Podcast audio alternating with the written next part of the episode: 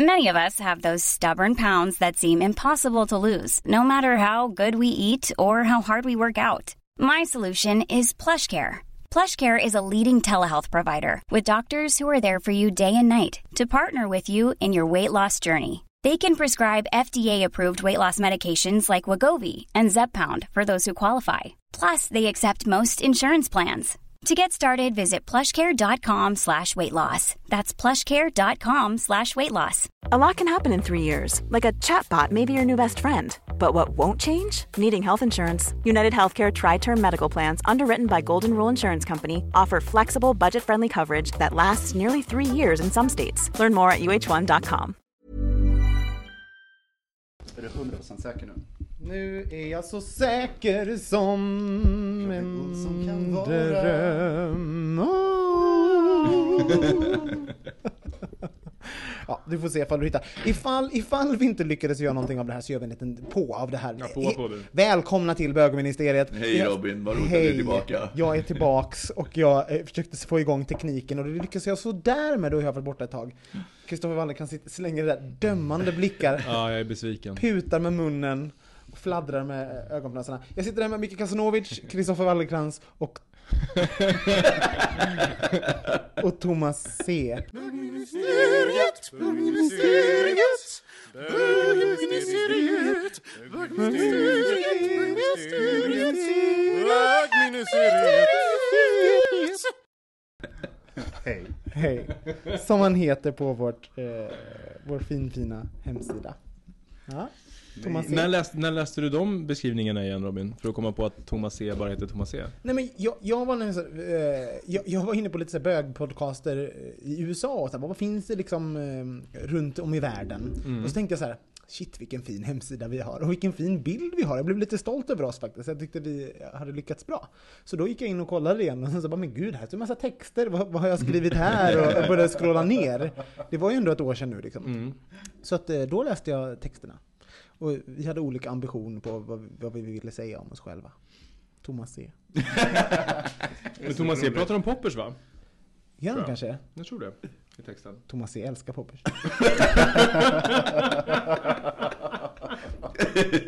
Det här, kom- ja, det- jag tror det här kommer handla om... Det känns som att jag skulle ha gått och tränat nu egentligen. Är det- är det här som, så här- som Ja, planen det, här, var. är- det, här, Det här är podcastversionen av, av Hat och Hot. Common, är heta stolen. Idag Thomas C. common relief. You can call me. Ja. Men ehm, i vilket fall som helst så blev jag stolt och glad över, över oss. Och, eh, men Thomas, när du sitter här och skäms nu eh, så tycker jag det är passande. Oj, pillar jag på dina, dina Alvedon? Ja. Eller vad du kallar de små tabletterna. Vad, eh, vi- nu sitter du där och skäms, men jag tänker så här, Micke sa förut till mig, vi pratade lite om en snabbis om skam, att han aldrig skäms för någonting. Eh, och att du har ingenting du har skämts över. Va, Jo, jag har massa saker som jag har skämts över, men jag tror att jag har bearbetat dem och därför så, alltså det är, ingen, det är ingen big deal längre. Alltså, jag tänker den pinsammaste saken som någonsin hänt i, i mitt liv, det var, som jag berättade för några podcast sen, när jag skulle twittra ut en eh, ganska lång länk som handlade om träning och av någon anledning så råkade den bli hopblandad och notera jag hade inte ens porrsurfat den kvällen.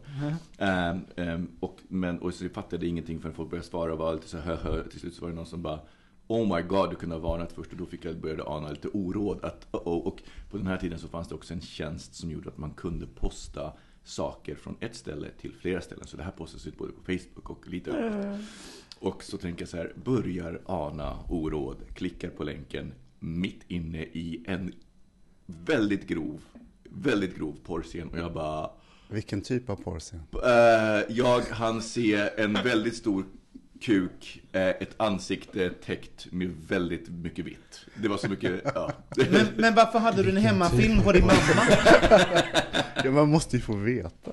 Varför, var, varför har du filmer på din mamma? I... Gud. Eh, låt oss säga så här, det var verkligen inte min mamma. Eh, men eh, ja, och den gången så kan vi säga att just, just i det ögonblicket så har jag aldrig skämt så mycket. Jag trodde, jag trodde faktiskt bokstavligt att jag skulle dö av skam. Men sen nu i efterhand så känns det så här, ja, ja, ja. Det hände. Det är en rolig Det historia. är en rolig historia. Ja, men precis, jag tror att för mig när jag har bearbetat skammen så blir det till en rolig historia.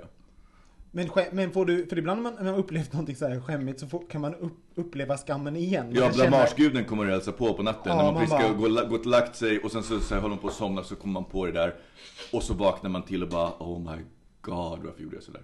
Men Kristoffer, du gjorde en djup an- inandning. Nej, jag försökte bara så här, k- känna av det du beskrev och gjorde den då andningen för att Ja. komma dit.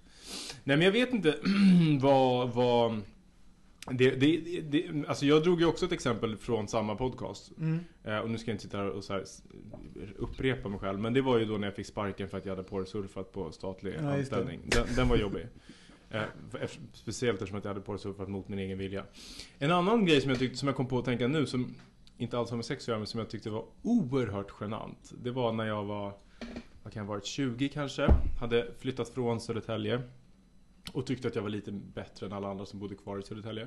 Mm. Och börjat jobba på skivbolag. eh, Och jobbat med eh, Therese Granqvist som då hette Drömhus då. Just det. Älskade Eh, henne. Ja, jag med. Tyckte det var toppen. Och jag var typ hennes här, inte turnéledare, men jag var med ute och liksom hjälpte till på turnén och, och med promotion och lite sånt där. Sen var, skulle hon göra ett gig i Södertälje. Eh, och behövde två dansare. Älskar. Varpå jag hittade två tjejer som är jätteduktiga, de är med på Okej-dagen och kör. Sen så ska vi köra i Södertälje och då blir en av dem sjuk. Och då tänkte jag så här, men jag har ju stått med så jag kan ju den här dansen. Så jag hoppar in som dansare, tänkte jag. Och så kommer jag också kunna visa för alla mina kompisar som jag lämnade Södertälje, jag kommer tillbaka som en kändis som faktiskt dansar. Så jag kommer så. Ja, och så är det dags och så ska vi uppträda. Jag vet också att du, var- du var, väl, var du inte tjock när du var liten? Jo Var fast då, just nu var jag inte så tjock. Okej. Nej, då, då, men, jag, så, men det var inte med någon prime kanske, men Nej. jag var inte tjock i alla fall. Okej.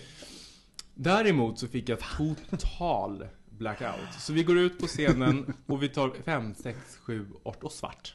Och jag bara står där och tittar på Therese, ställer mig så här lite på sidan och tittar och försöker dansa med så det ser ut som att jag är med så här första gången på aerobics. Det var så fruktansvärt jävla genant. Och så, går, och så när låten är slut och jag vill, bara, jag vill bara dö. Och så kommer vi bakom och Therese tittar på mig och bara mm, mm, ja, det, ja. Och gick vidare typ. Och, och så kommer vi ner och då kommer snyggaste tjejen i Södertälje ner. För hon är kompis med Bobby som känner alla kändisar. Frisör-Bobby som, Ja. som, som också är från Södertälje. Kommer hon ner och tittar på mig hon bara Vad gullig du var. alltså då fick jag sån panik och ville aldrig åka tillbaka till Och det har jag typ inte gjort sen dess heller. Men det måste du ju ändå känna i din kropp fortfarande när du Ja, det, när du ja, det är faktiskt, ja men det är hemskt. Det är fruktansvärt. Det är hemskt. För det är ju ingenting man önskar någon, att, de ska, att, att snyggaste tjejen i Södertälje ska komma och säga Vad gullig du var. Man bara, mm, vad gullig du är när jag slår in dina tänder. Nej det var hemskt. Det var jobbigt. Usch. Usch. Ja, men, men eh, vad, hur känner man då när, man, när ni, ni har mobbat dig förut? Hur känner du i kroppen när... när, när missförstådd. hur, hur, hur, hur, ta, hur tar sig din Under skam attack. uttryck, Thomas, när du känner den? Ja, fan, i kroppen? Mm. Nej men värja sig. Hur då? Nej men så här förklara. Ja, det, det är en sån klassiker att man bara, nej, nej, Nej men... men, nej, men jag menar så här, hallå, men du, Ja. vänta. Nej men jag vet inte om jag känner speciellt mycket. Det är mer roligt eftersom jag varit så här lite ambivalent när vi körde igång liksom med, ja, ni vet ju, jag var den sista som hoppade på, på båten. Podcast-tåget. På, precis. Så att det var nog mer en, en, en, en effekt av det. Så att det är klart att, roligt, roligt, roligt. Men när, du- när, du skäms, när du skäms över andra saker då? Hur reagerar du? Vad, vad gör du när, du när du befinner dig i en så här genant situation? Eh, Jag tror, jag tror att jag inbillar mig att jag kan försvinna. Att jorden öppnar sig och att jag försvinner, blir osynlig eller någonting sånt där. Att det bara...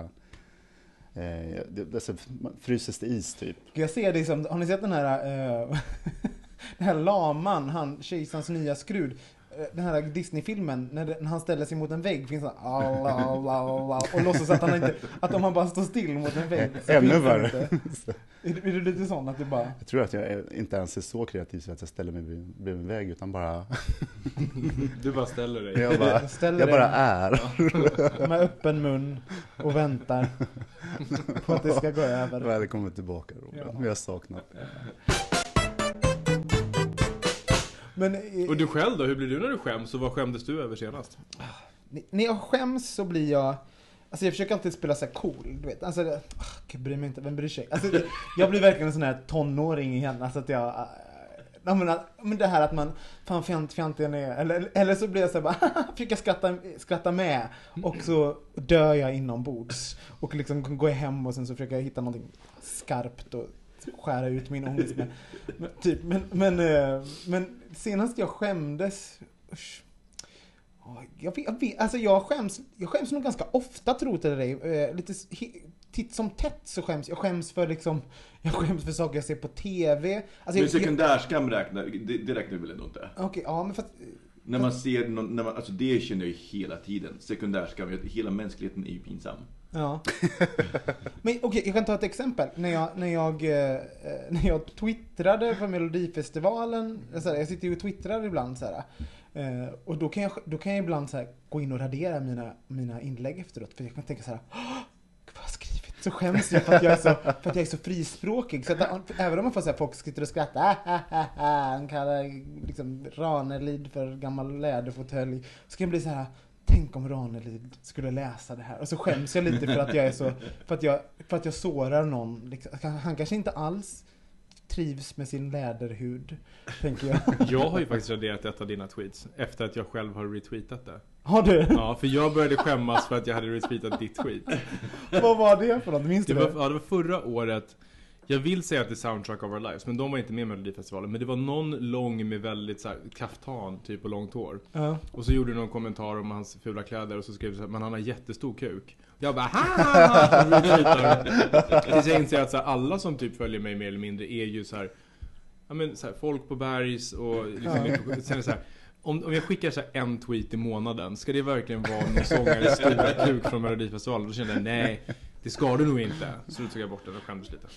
Fast det är ju Men så... det där, det, där, det där kan jag i och för sig känna igen, men jag skäms ju inte, sällan för saker jag, jag har skrivit på det sättet, men däremot så skäms jag när jag har fel. Jag är ju verkligen sett tyska skolan skadad. Så att jag kan ju, jag kan, jag har ju så svårt när jag gör, när jag gör fel. Men det är ju för att du är så anal med att ha rätt och faktakoll. Alltså du är Ja men, och det, och nej nej, nej nej, det är inte för att jag är anal, jag är anal för att jag skäms när jag har fel. Mm. Okej, så det kommer därifrån? Ja. Det är en perfekt drivkraft för att lära sig massa saker. Ja. Att skammen att inte kunna. När hade du fel sista? Eh, alltså, jättefel. Jag vet inte, jag har, jag har ju tränat på det genom att verkligen så erkänna att jag hade fel. Det är ju det svåraste jag kan göra i det läget. Och jag har verkligen tränat, så att det har blivit lättare. Men, och jag har blivit jättenoga med att så här, faktakolla mina grejer. Jag ska faktakolla alltid retweets innan jag retweetar dem. Jag, så här, jag faktakollar saker. Det är ju inte jag. Åh gud, jag, jag har det jag skäms mest över ever. Alltså nu, för det, det är som jag alltid så här, som jag får så mycket skam så att jag vill dö än idag. Det är när jag har stavfel eller råk- råkar särskriva någonting i sociala medier. För ibland så, alltså det är såhär, också Är det verkligen det värsta som Det räknar jag till att ha fel. Alltså skulle jag särskriva så skulle jag Ja, jag, tycker det, jag tycker det är så, jag vet inte varför, varför jag har den här relationen. Eh, det är bara för att jag sitter, jo jag vet varför. Det är bara för att när jag sitter och läser Facebook själv så sitter jag och irriterar mig på folk som bara Du dömer dem. Super, bra, sten, kast. Alltså man bara, "Ah", jag blir så, så trött på det. Och sen så, och sen så kanske man sitter, sitter där och sen så liksom var femtionde tweet eller Facebook-inlägg så finns, kommer in någon jävel om man har haft bråttom eller, eller också så, så ibland så kan det vara så här att man Eh, till exempel B sitter väldigt nära mellanslag på, eh, på iPhonen, så då kommer det in emellan.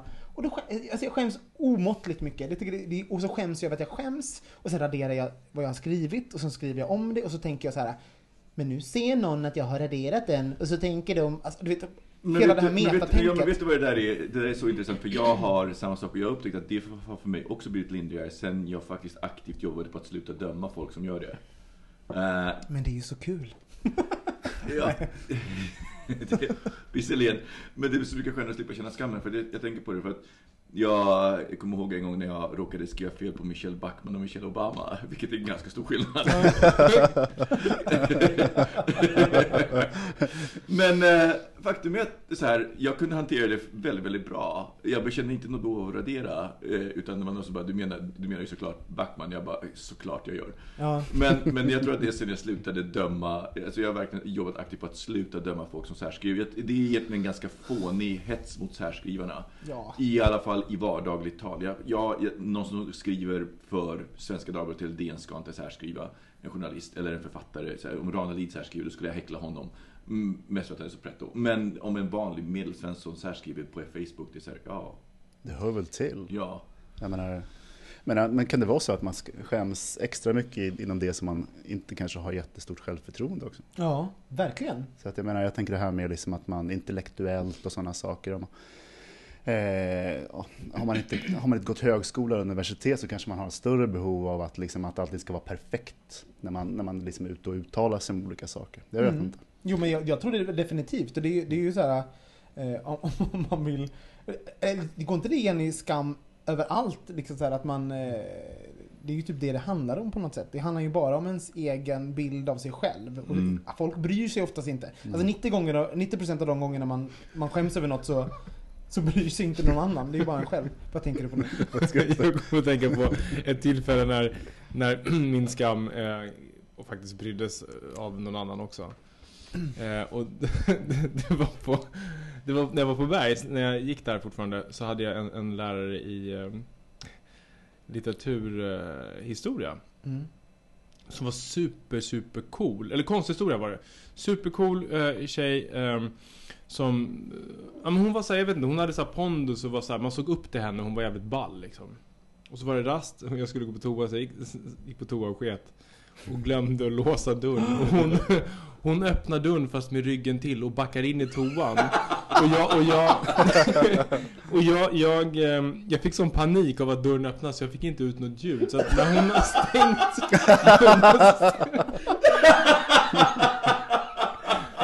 stängt dörren och vänder sig om så skriker hon.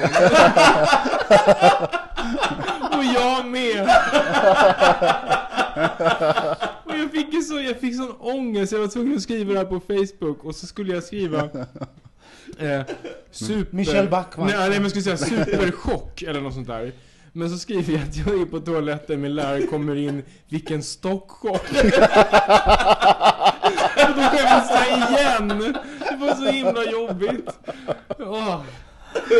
Så Men det var varför- två riktiga så här starka skamkänslor kring en och samma upplevelse. Ja, men alltså det- jag tänkte, jag, det som hade varit värre hade varit om hon inte hade vänt sig om, dragit ner och satt sig på dig. Ja, det hade faktiskt varit värre. Åh gud. Det kan alltid bli värre. Vad skulle du säga Thomas? Mm. Du skulle säga något? Nej men jag, jag fascinerad, vem backar in på toaletten? Nej men det, hon pratade alltså med några elever, så hon öppnade bara dörren och fortsatte konversationen och sen så stängde liksom. Så, det, det var därför. Jag sitter där och får så här panik och kallsvettig, vet inte hur jag ska börja med att säga så här.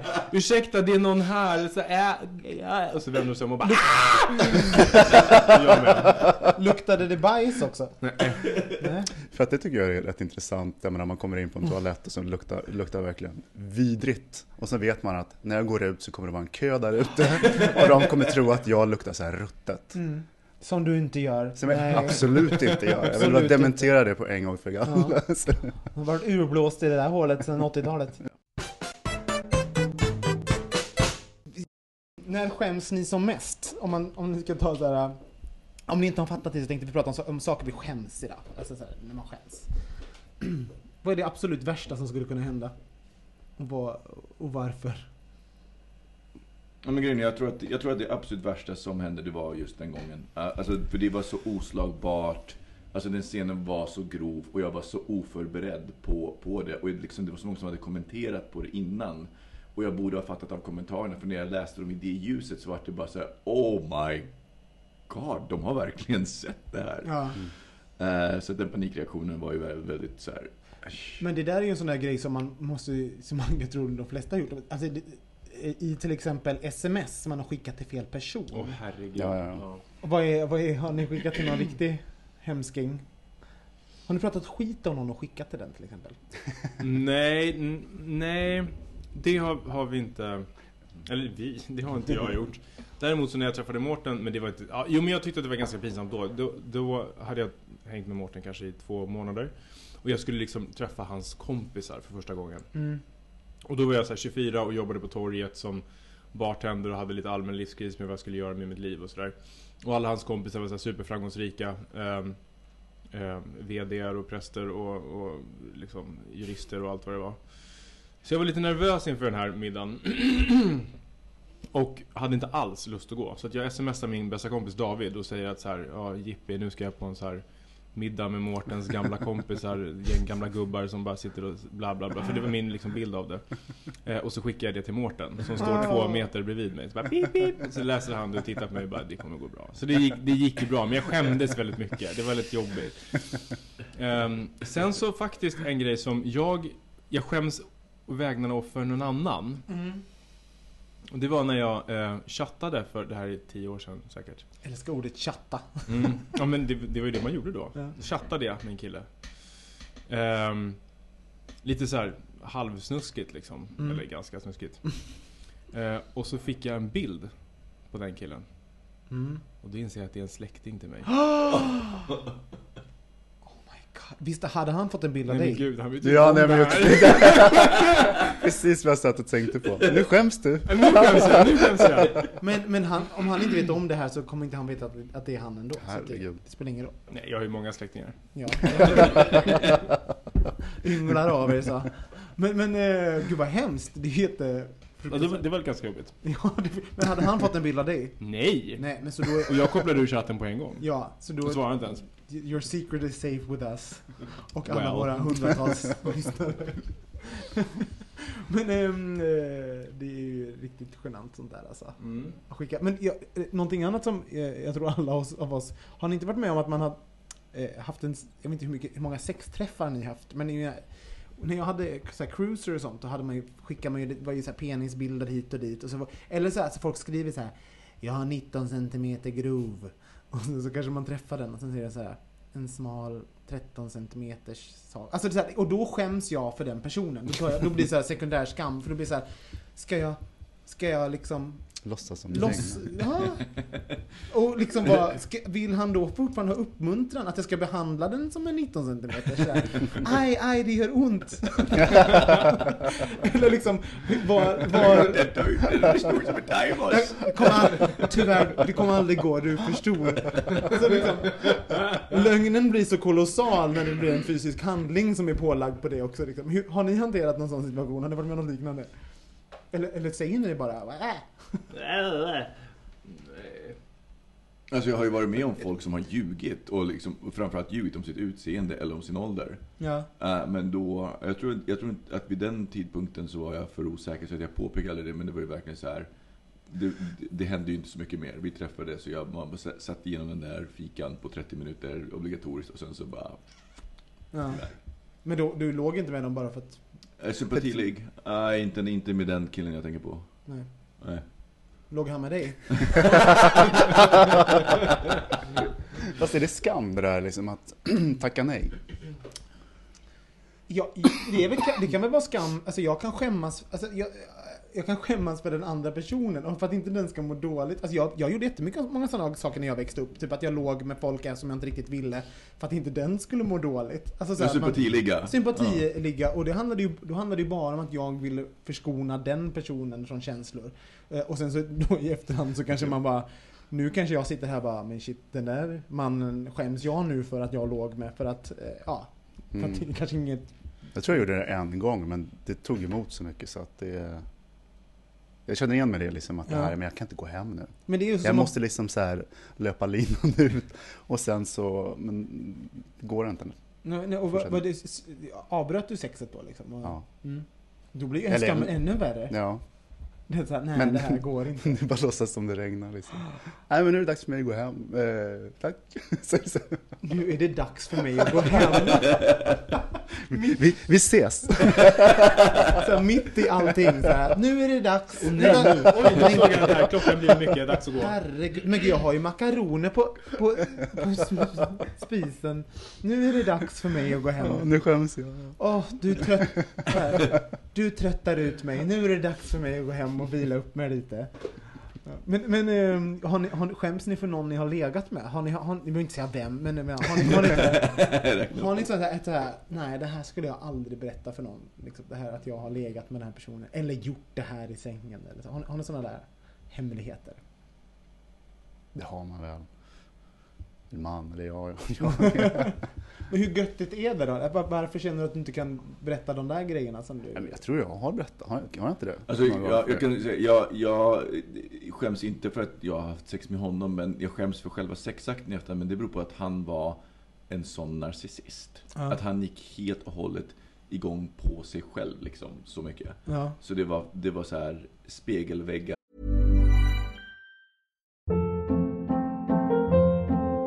Hold up. What was that? Boring. No flavor. That was as bad as those leftovers you ate all week. Kiki Palmer here, and it's time to say hello to something fresh and guilt-free. Hello Fresh. Jazz up dinner with pecan-crusted chicken or garlic butter shrimp scampi. Now that's music to my mouth. Hello Fresh. Let's get this dinner party started. Discover all the delicious possibilities at hellofresh.com.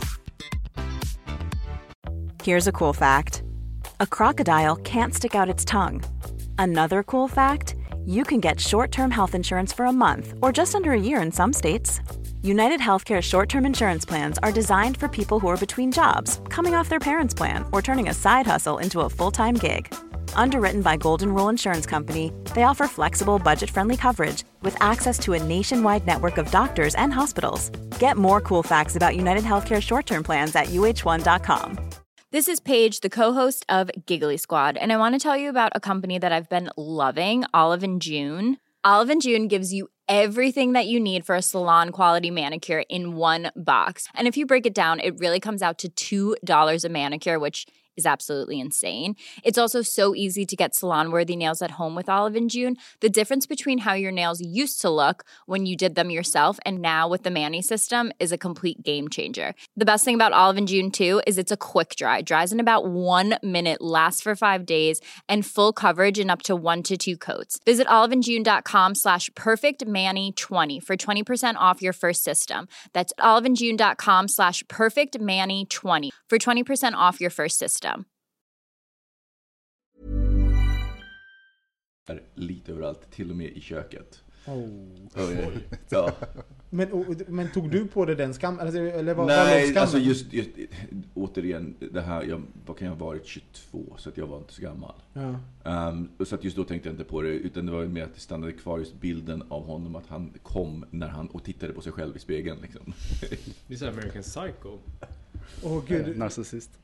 Men, men det är intressant. För narcissister som ligger och tittar på sig själva. Varför, varför det är ju sällan man ser så en riktigt så här tj- tjock, tjockis. Så här, men så här, som ändå liksom trivs i sin kropp och som har speglar och tittar. Det har alltid gjort med muskler och någon form av eh, sån där vanlig fåfänga liksom. Som ingen, Mainstream. Ja, mainstream Mm. snyggon som ska... Jag är också exakt en likadan faktiskt mycket. Och skäms också. Men det är också då sympatilogga. Han smekte sina egna muskler. Och tittade på dem och kysste sina kändes, armar. ja, man kanske kände Du sig... skojar. Nej. Han, han stod och, och flexade sina armar, smekte dem, kysste dem och, liksom, och pratade om sina muskler medan jag sög av honom. Och jag tänkte så här. Oh my god! Jag vill gå härifrån. Koko." Det är dags för mig att gå nu. Det, det, Thomas hade lite självrespekt. Jag hade inte den. Jag sög på och hoppades bara att det skulle ta slut. Nej, men det handlar väl liksom, vi var lite faktiskt inne på det här förra veckan och pratade om narcissism och sådana saker. Men att det handlar väl om att han kände sig åtrådd just nu. Att han behövde dig för att Mm. Annars skulle han inte liksom kämpa på med sin kropp så mycket som han gör. Liksom. Så att du fyllde väl en jätteviktig funktion där. Liksom. Mm. Men man, jag tänker så här, men skäms inte han? Att inte de personerna skäms? Att de inte, man inte kan se sig själv. För om vi sitter och skäms för massa saker, alla de här människorna som är skamlösa, gud vad skönt mm. ändå. Jag, bara, jag tänder på mina biceps, så jag tar på dem och kysser dem medan någon suger av mig. Så skiter jag i honom. ja, men alltså skamliga är ju inte kul. Nej. Det är faktiskt fruktansvärt. Jag gjorde det en gång i Sydney och ångrade det något in i bomben. Mm. Och han vägrade ju gå. Jag tror att jag berättade det. Ja, det borde, var det inte det förra veckan? Var det, inte, var det, var han som var, var på klubben? Bodybuilden? Nej, nej, nej, nej, nej, nej, nej, nej. Han vägrade gå hemifrån mig när vi väl var hemma. Mm. Eh, och så fick jag äntligen ut honom. Jag var så här, du jag, jag måste verkligen gå. Så att du får gå hem nu. Så här. Typ mer eller mindre kastade ut honom. Eh, och kände så här, åh gud tack och lov. Och var så här jättebakis, gick och la mig och sov igen. Då kom han tillbaka och Tobias som jag bodde med, då, han visste ju om att jag hade velat att han skulle gå. Men han sa, nej men vad bra att du är tillbaka, han Nej, är där inne och väntar på dig. Så han bjöd ju in den här killen igen då. Alltså det var helt fruktansvärt. Och då Låg var du, med, låg du med honom igen då?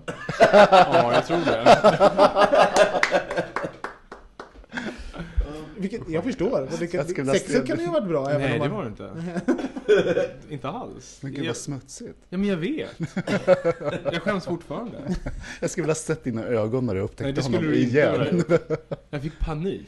Men att han inte, det Jag låg på en madrass på golvet och tittade upp mot dörren och där står han igen och kände bara såhär, nej det här är inte det är så sant. fan, jag, Det tycker, jag är fascinerad över folk som inte kan känna av sådana saker. Ja. Att inte han kände av att du inte ville ha, ha honom där. Jag menar att inte jag kände av tillräckligt för mig själv och säga du det är bra, gå härifrån, jag är inte intresserad. Utan så här, totalt köra för sig själv. Det är ju det mest fascinerande. Men, Nästan. men Thomas, när du, när du skäms för någon... Eh, För gör- någon? Ja. Nej men alltså för någon annan, tar du ansvar för den personen då? Är du en sån som... mycket mer förr i tiden. Okej. Mindre och mindre. Hur, gör, hur har du gjort för att ta Nej dig men jag, här? jag curlar. Liksom så här, räddar, rättar upp, tar Mm. på mig själv. Men och du gör inte det lika mycket nu? Nej. Men hur, hur kom du fram till det? Det skulle jag vilja det- lära mig. Nej men det är ålder. du orkar inte. jag upptäcker att du inte behöver. Ja. Det är liksom så här. Alltså, jag jag, gör nog det fortfarande till en viss del naturligtvis, men det var, det var mycket mer förut. Liksom, Men jag tror att, att det handlar om det här just om, att inse att man faktiskt inte behöver. Att så att det, är inte, det är inte mitt ansvar. Jag tycker fortfarande att det är väldigt jobbigt att se Fadde Darwich på Robert Aschberg försöka stå upp. Den, det är här, Ja, det. Det är tror jag det absolut mest pinsamma, mest sekundärskam. Alltså faktum är att jag klarade, har aldrig klarat mig igenom hela klippet i ett, i ett. Det, jag skäms så mycket innan det tar slut så att jag måste stänga av det. Men det är väldigt bra sekundärskamsträning. Man får liksom så här dränerar sekundärskamskörtlarna så att de, de orkar inte mer. Man orkar inte skämmas mer. Oh så man blir God. skamlös under, en litet, under ett ögonblick. Det måste ni googla faktiskt. Om ni inte har sett eh, Fadde Darovic köra stand-up, alltså det är, det är monument, alltså det är en Svensk pelare i svensk kultur. Är det så? Men för jag, jag vet att jag brukar ta lite ansvar och jag tog jättemycket ansvar första gången vi träffade Mike, din kille. Och det var hemma dig. Och Robin sitter och pratar om, om folks morsor och, och sex och ditten och datten och jag fick så här panik för jag var så här, åh oh, gud stackars Mike, undrar hur han ska ta det här. Så att jag började så här försöka prata med Mike så han inte skulle höra dig. Alltså massa, jag tog jättemycket ansvar. Och Thomas bara tittade på mig och bara så här. Bara, du är en sån diplomat, slappna av. Liksom. Men då fick jag panik. Men det där är intressant, eh, som du säger, för jag, jag kan ju vara skamlös, alltså skamlös när det gäller mig själv, eh, sådär. Eh, men jag, jag är inte alls lika skamlös när det gäller andra människor. Jag får göra vad jag vill. men, eh, liksom, men det tror jag att det handlar om att jag tänker att jag kan inte, jag vet inte vad andra människor skäms för. Eh, Så då, jag kan inte tänka, jag, alltså jag, jag tänker inte på andra människors sekundärskam helt enkelt. Jag tänker på deras kanske, den direkta skammen snarare än sekundärskam. Och sen så tänker jag att alla skäms för mig ändå. Så det, så det, det är som, som när vi spelade, jag och Camilo min kompis, vi, vi spelade um, Orangino som vi alla har spelat. Och så, jag tror jag, inte om jag berättat det på, på podden, men, men eh, så fick jag, så fick han, eh, nej, så fick jag så här eh, man, man man ska liksom betygsätta ah, vad man är för person och sånt. Så ska man kolla om man har rätt mot, vad alla andra tycker. Och jag fick så här. Mig kan man ta med överallt. Jag är en riktig eh, kameleont som passar in i alla miljöer. Och jag bara femma! Jag, jag är en riktig kameleont liksom. Mig kan man ta med överallt. Och Camilo bara satte en etta på mig. och, och, han, och så, så var han så här bara, ja men Robin, tänk, det, det är, vissa fester tar man ju inte med dig på. Tänk dig på Nobelfesten. Och, sånt där. och så handlade det hur ska du klara dig? Alltså jag vill inte sitta bredvid dig på Nobel- Nobelfesten. Gud vad jag vill sitta bredvid dig på Nobelfesten känner jag. Och då blev jag så fruktansvärt upprörd för det hela min, hela min livsuppfattning bara krackelerade från något sätt. Liksom så här bara, men gud, är det så? Jag så fruktansvärt skamlös att folk inte vill ha med mig på saker. Det är helt hemskt. Har ni gjort någonting som ni skäms, som är så hemskt att ni har skämts för det? Alltså om man tänker när ni var barn och sånt, eller vuxit upp. Alltså det roliga är att jag skäms de gånger som jag kommer på mig själv med att använda skam som vapen. Då skäms jag ändå som en hund. Oj, när gör du det då? Väldigt lite nu för tiden som tur är. Eh, jag försöker passa mig själv väldigt bra. Men skuld och skam som vapen är... eh, är då skäms jag verkligen som Det som är så sexigt. Ja, man, man, får nog, man får nog väldigt många katoliker på tråden om man, om man Ja. behärskar det. Men eh, Men gjorde du det? Var det ett aktivt vapen du använde när du... jag, jag tror inte det var medvetet. Utan, menar, som katolik så är man uppväxt med skuld och skam som, som metod. Så man lär ju sig det. Det, det är judar och katoliker, judiska mammor och katolska mammor. Använde din mamma det? Mm, ja, i, till viss utsträckning när jag, var, när jag var liten. Men hon kom väldigt snabbt ifrån det. Jag tror att, eh, att flytta från miljön, för hon har aldrig varit så speciellt troende, inte ens när hon bodde i Polen. Men utan det var mer att när hon flyttade till en mer sekulär miljö så anammade hon det väldigt fort. Eh, Så. Men du, du minns inte en, en specifik... Jo, eh, faktum, faktum är att en gång, eh, och det har jag pratat med min mamma om, hon har totalt förträngt det och hon hävdar att det inte har hänt. Men jag kommer ihåg, eh, när man är liten i Polen, eller var liten i Polen när eh, det här begav sig, måste ha varit fem, sex.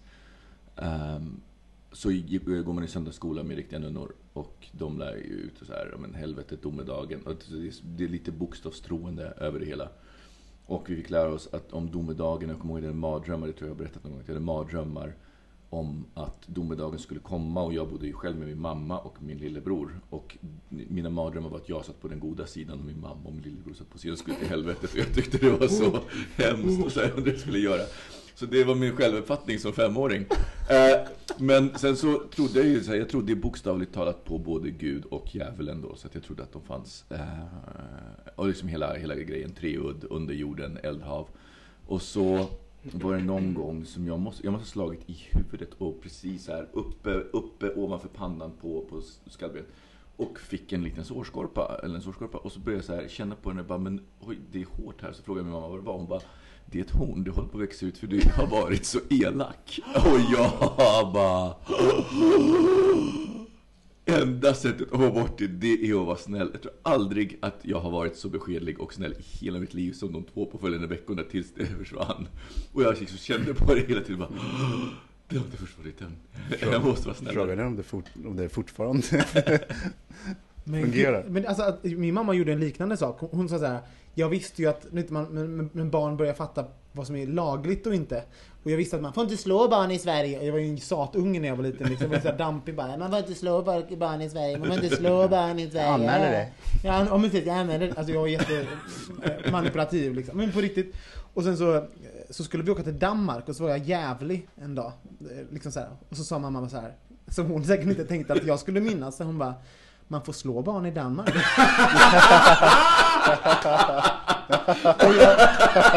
Det är ju fantastiskt. Och jag, till, på båten, Finlandsbåten till Fredrikshamn, jag var som ett ljus. Jag satt ju bara, jag kommer ihåg hur jag liksom trippade bra. Jag gick med mamma som en sån här hund som gick på liksom, precis bredvid sin, sin husse. Och var Du gick helt, fot. Och jag gick fot och var bara så fantastisk. Och så med den här långa gången, den här- den här transfergången över till skeppet. Jag minns när jag gick på, och sen var vi på skeppet, så tog det ett dygn. Och sen när jag gick av på vägen i den här gången över, så frågade jag mamma så här. Är vi i Sverige snart? Har jag, har, jag- har jag varit snäll mamma? Så här, och då fattade hon liksom så här vad hon hade gjort då. Liksom hon hade sabbat hela min Danmarksresa liksom. Men vilken respekt du hade. Ja, verkligen. Det, men, Både för lagen och för din mamma. Mm. Men ja, det använde jag ju mig flera gånger också. Jag, jag, hot, alltså jag sa ju så här, jag visste ju att mamma, det är så hemskt. När jag var så tonåring så var det så här, man slår inte barn liksom. Så här, jag visste att man, det gör man, och det är moraliskt, alltså det finns så många fel runt det att ge, slå sitt barn. Så jag hetsade min mamma en gång när jag var 14 eller någonting, så bara slå mig då, slå mig då, slå mig Alltså så där, stod så här och bara hetsade henne. Tills hon gav mig en örfil. Och jag bara, mm, du slår ditt barn. så gick jag därifrån, så här, fick jag vad jag ville. Där har vi typisk skam som vapen. Ja, alltså så jävla hemskt. Liksom. Men det, och det skäms jag för än idag. Förlåt mamma, du vet att du inte lyssnar på det här för du är så upptagen med ditt eget liv. Apropå skam som vapen. Har du någon sån då? När du... Nej, men barndom, det är, väl, det är väl liksom byggt på skam. Herregud, både liksom i grupp och för föräldrar och massa eh, saker. Jag menar, allt med sex tyckte jag var jättejobbigt. Kom tuttar på tv liksom. Då satt hela familjen. Skämdes du då? Ja, men tog jag på mig alltså liksom att usch och fy och hela den biten. Ja, du, aha, okej, så du, du spelade den här... äh, nej, nej, alltså jag, jag försökte försvinna. Som jag, det är min taktik, liksom, att gå upp och låtsas som det regnar. Eh, Medan min mamma som är uppvuxen i en pingsthem och sådär liksom bara bytte kanal snabbt eller är den där grejen liksom att det blev en massa skuld som, som slängdes runt där. Men hela den grejen, eller alltså jag... Men gjorde du något? Var, var, du, var du snäll när du växte upp? Var- Mobbade du Ja, någon? gud, jag var, jag var jag, Kissade du på någon get? jag, Som vi alla gjorde. jag mobbade och jag retades och hela familjen byggde på skam. Alltså vi retades jättemycket. Så att hela, det fanns vissa jag säga, knappar som mina fam- familj, både vuxna och barn, tryckte på hela tiden för att få fram olika saker. Eh, men en sak till exempel när det gällde eh, jag började ju ha, jag blev ju påkommen i skogen när jag var tre år. Att eh, grann, min grann, alltså min kompis som var granne med mig, hade, jag hade min snopp i hans mun. Tre år. jag vet inte ens hur jag kom på den tanken. Men då kom min syster naturligtvis. Nej. Och sen blev det liksom så här, dras hem.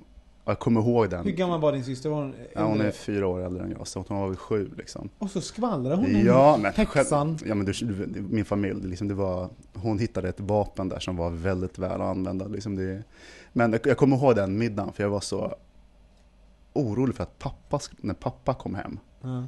Att jag liksom skämdes så mycket inför... Han skulle bli svartis.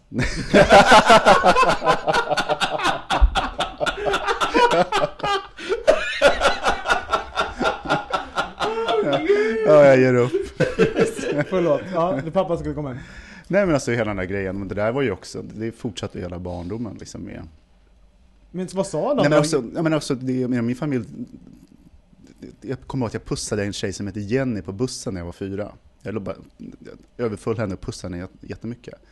Och sen så fick jag, så var det Jenny och jag liksom blev retad hemma. Mm. Ja, tills jag var 12 eller någonting sånt där. Liksom. Det kom fram hela tiden. Så det, Men det är det, man, ganska snabbt eh, så såg, såg eh, min familj eller mina vänner så att man skäms och då använder de det. Då hittar de en så här spricka liksom, på något Ja. sätt som de, för de tycker det är roligt. Det är så hemskt det där, alltså skam som vapen och, eh, och familj. Socialt shit. Ja, men skam är ju också en av de känslorna som, som är så grundläggande och som är kulturlös, som människor känner oavsett och som man jag kan se att barn, alltså spädbarn kan uppleva skam. Mm. För det handlar så här, hur länge håller man ögonkontakten till exempel?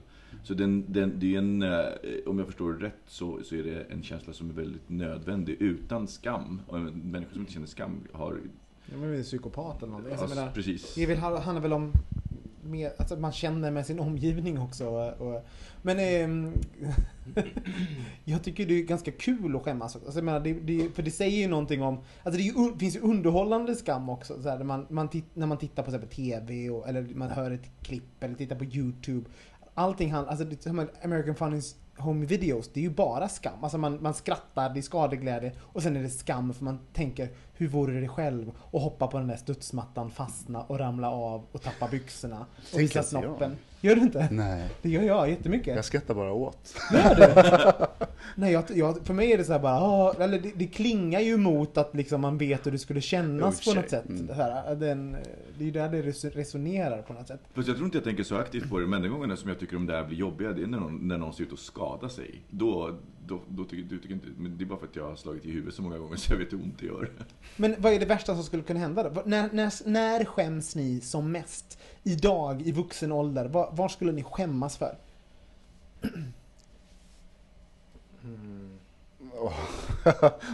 Du, du har något på Nej, tungan? men alltså, det finns ju massa sexuella grejer som man skulle skämma. Ja, men berätta. Nej, Kom igen nu Nej, men Thomas jag C, tänk- du är ju hemlig. jag, tänk, jag tänker mer på liksom så här saker att, jag kommer ihåg att min, min syster bad mig att vara moderator när hon eh, doktorerade. Och jag hade aldrig varit moderator förut. Och, och då finns det så här krav på att man ska vara rolig och det ska liksom vara energi och hela den grejen. Och det blev katastrof. Och jag kämpade och kämpade och skämdes och skämdes. För det var ju en ganska jobbig, alltså seriös publik liksom. Alltså, Ja. Jag fick liksom aldrig igång dem och det bara, det bara, man såg på mig hur jag kämpade. Jag vill aldrig mer hamna i den situationen.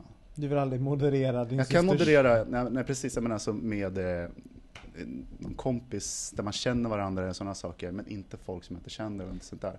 För det, det, var, det var fan hemskt. Men vad är det du är rädd för där då? Är det att du, ehm, att, att du vill inte, du vågar inte vara rädd, eller rolig på beställning sådär? Att du, Nej, men det, det kommer mitt självförtroende in tror jag, liksom när det gäller att vara rolig. Ja. Avslappnad och social och sådär. Liksom att det, så då, då blir det en av de värsta sakerna som jag kan tänka mig. ja. Eh, sen så här, prata inför folk, det har jag ju som gjort hur många år som helst i jobb och hela den biten. Men det är också så här jobbigt, jag har varit i, prata fritt är okej, men om man, när jag står framme och ska liksom företräda och vara lite mer högtidlig, då måste jag liksom ha stolpar. Och så upptäcker jag liksom mitt uppe i det där att, fan vad stolpigt det här är. Och så fort jag tänker den tanken, Då är det kört. då är det kört. För då skäms jag och då låser det sig och liksom sådana här bitar. Och det, jag gillar inte den situationen. Nej usch, det är fruktansvärt. Vad, vad, vad tänkte du? Men jag, ty- jag, jag, jag tänker på samma sak, alltså, om man bortser från då så här, ja, men du vet, det kommer ut, som jag, också en historia som jag berättade om en eh, instruktörskollega som visade en väldigt intim film inför hela sin klass eller hela sin grupp på gruppträningen. Ja, men den typen av saker, om man bortser från sexuella saker, så är det fortfarande faktiskt att, eh, för min, för min att ha fel. Eh, jag tänker så här, stå, stå och föreläsa. eh, Men ge, ge ett konkret exempel. På Ja men så här. jag står, framförallt när jag föreläser, när jag föreläser på distans, då inte har no, någon i rummet, jag står och föreläser framför en kamera. Eh, det kan vara så här 200 personer som tittar. Och sen så att jag ska säga någonting som är helt uppåt väggen och folk bara, men du blir ju en bluff. Alltså den. Ja men där kommer ju nyckeln i sådana fall. Att du, Mm. att du har Ja, ja. bluffkänslan. För att jag menar, för jag, det låter ju som du tar det otroligt på stort allvar. Liksom, att varje liten fakta måste sitta. Liksom, det, det är... Välkommen till All- Pålsskolan. Eh, så, och, jag, men, och jag kan, alltså för mig så ligger det verkligen, menar, så här, som, sju, att som sjuåring bli, vi var ju tvungna att börja skriva med bläckpenna för man fick inte göra fel. Du fick inte sudda ut och rätta för du ska skriva rätt från början. Det är på den nivån, så att, menar, det blir inpräntat i en så här. Du ska, du, vi börjar som, som, som, som sjuåringar med första grads ekvationer. Och visst, man, men det är det jag menar, man blir så en maskin som kan räkna som fan. Men man är inte så kreativ. Eh, så det är, och jag är helt inne på att det är eh, en, en rätt kass pedagogik i det stora hela. Den, och det, det är den som Björklund företräder. Eh, lite betygshetsande om man ska liksom, se- så. Men det, men det är faktiskt, det är det värsta. Men något också som jag tänkte på, som jag inte längre har som, som jag bara hade som singel. Det var så här, vad är planen om jag dör? Vad gör man med mina sexleksaker? Ja, jag tror jag tänkte det sen för en vecka sedan. Den behöver jag inte längre ha, vilket är ganska skönt. Vad är det värsta som kan hända dig, Kristoffer? Eh, jag tror att det värsta som skulle kunna hända mig är... Jag satt och tänkte på det nu när både Thomas och Micke pratade. Eh, för jag vet inte riktigt, men jag tror att det värsta som skulle kunna hända mig är att jag antingen ljuger och blir påkommen. Eller att jag inte kan leverera så att folk tappar förtroende för mig. Det är det. Alltså, om, om, om jag känner att jag står i ett forum där jag helt plötsligt inte har folks förtroende. Då vill jag också bara försvinna. Det är Mm. det värsta jag vet. Ja men det är den... Det är fruktansvärd känsla. Eh, och det är oftast den som man får, tycker jag, om, om man, när man blir så här riktigt skamsen. Som till exempel när jag blev sparkad från Statens blinda bibliotek. Det, det fanns ju inget förtroende kvar. Nej. När de enda, det enda de såg på min skärm var kukar, när det egentligen skulle varit liksom bokkapitel. Ehm, och, och det var så här, det spelar ingen roll vad jag sa, för de lyssnade inte på mig, för mitt förtroende var helt rökt. Men det är ju fanta- alltså det är ju en fantastisk, det är ett sånt fantastiskt exempel på skam i att bli, att bli sparkad för något. Alltså också sparkad för att ha kollat porr. Det är, Ja, men det var fruktansvärt. Och det, det samtalet var jättejobbigt. Sen var jag tvungen att ringa till min, eh, alltså till firman som då hyr ut mig och förklara för dem varför jag blev sparkad. Det var också jättejobbigt. för det finns ingenting man kan säga Nej, där heller. det finns ju bara, alltså, nej, det alltså det var, det det eh, det- det- alltså det är det- inte en kuk, det vad ska man göra? Ja, och sen så ringde min kompis som hade, fått, som hade liksom tjatat in mig så att jag skulle bli anställd på det här stället och ringa honom och säga varför jag fått sparken. Alltså här, det, var- det blev jobbigt så här gång på gång på gång varje gång jag var liksom tvungen att ta mig ur situationen på något vis. Mm. Och det, det har ju med det att göra att så här, varje gång jag berättar om varför jag får sparken så sjunker ju mitt förtroende nog enormt. För det spelar ingen roll vad jag säger, för det enda de hör är att jaha, du har porrsurfat. Ja. Så här. Min är, nog- min är nog att, eh, att, typ, att det ska, någonting magiskt ska hända Och sen så, och sen, sen hör alla alltid allting jag säger om alla. Alltså så här, att, det, att det blir, att jag blir en helt genomskinlig människa på något sätt. Att, det- att, att, det, det finns ju, till Vad exempel, säger du om oss? Nej, Men, men du, du är ju det. Nej men så här, Allting kommer ju ut. Ja men precis, så här, det finns jag ju väldigt mycket, men om ni bara visste vad mycket jag censurerar mig själv ändå. Liksom. Alltså sådär, i vad saker jag säger eller skriver och sånt där. Det, det, det är nog det värsta skulle vara att jag, att jag tappar den gränsen och inte, inte fattar vad konsekvenserna kommer bli. Eh, vilket jag har varit nära på, för ibland är jag såhär, men vad fan, varför ska man inte kunna säga? Alltså jag omvärderar mig själv väldigt ofta, så, men vadå, transparens? Och sen så bara, ja, fast människors känslor, sådär. Men du gör ju ändå ganska mycket grejer som, som väldigt många tror jag skulle uppleva som ganska skamfullt. Ehm, till exempel i ditt program. Mm. Så här, hur, men, men där har det aldrig varit att du har tangerat någonting som du skäms över? Jo, alltså för, första, nu spelar vi in säsong 2 och 3 och nu, har, nu skäms jag inte för något. Kan jag säga. Men det är också att i början när vi spelade in säsong 1, då var det ganska mycket så här att jag, jag, vem är jag i det här? Jag har inte gjort TV på det sättet förut. Och jag, då skämdes jag, ganska lätt att jag skämdes för då började jag se mig själv Mm. utifrån. Då försökte jag liksom tänka mig hur ser det här ut i rutan? Vem blir jag när jag sitter här med, på en porrfilmsinspelning? Då blev jag, så här, jag blev kritisk mot mitt eget medverkande. Men nu är jag så här bara, fuck it, jag kan inte ta ansvar för allt hela tiden utan det handlar också om eh, en större kontext, liksom hela programmet och frågor som ställs och, och i klippning och sånt. Så nu, så nu skäms jag inte. Jag menar det här, jag har ju gjort grejer den här, ja, ni väntar ni bara, jag kan inte säga så mycket men jag menar det finns saker jag har gjort de här två säsongerna nu som filmats är mm, där kan vi prata skam. Vi får se hur det blir i, i rutan. Jag tycker vi, vi rundar av där pojkar, vad säger ni? Absolut. Absolut. Ja, tack för att ni har lyssnat på oss. Eh, Ni kan finna oss på eh, iTunes, vi finns på Soundcloud. Rata oss på iTunes, skriv något snällt för helvete, annars så får ni skämmas. Ja, Precis. ja där knöt jag ihop. skickar Och sen- Robin på er med hans skam. Ja, eh, okej, vi säger så. Puss och kram! Ja, puss puss. Hej, hej. Hej.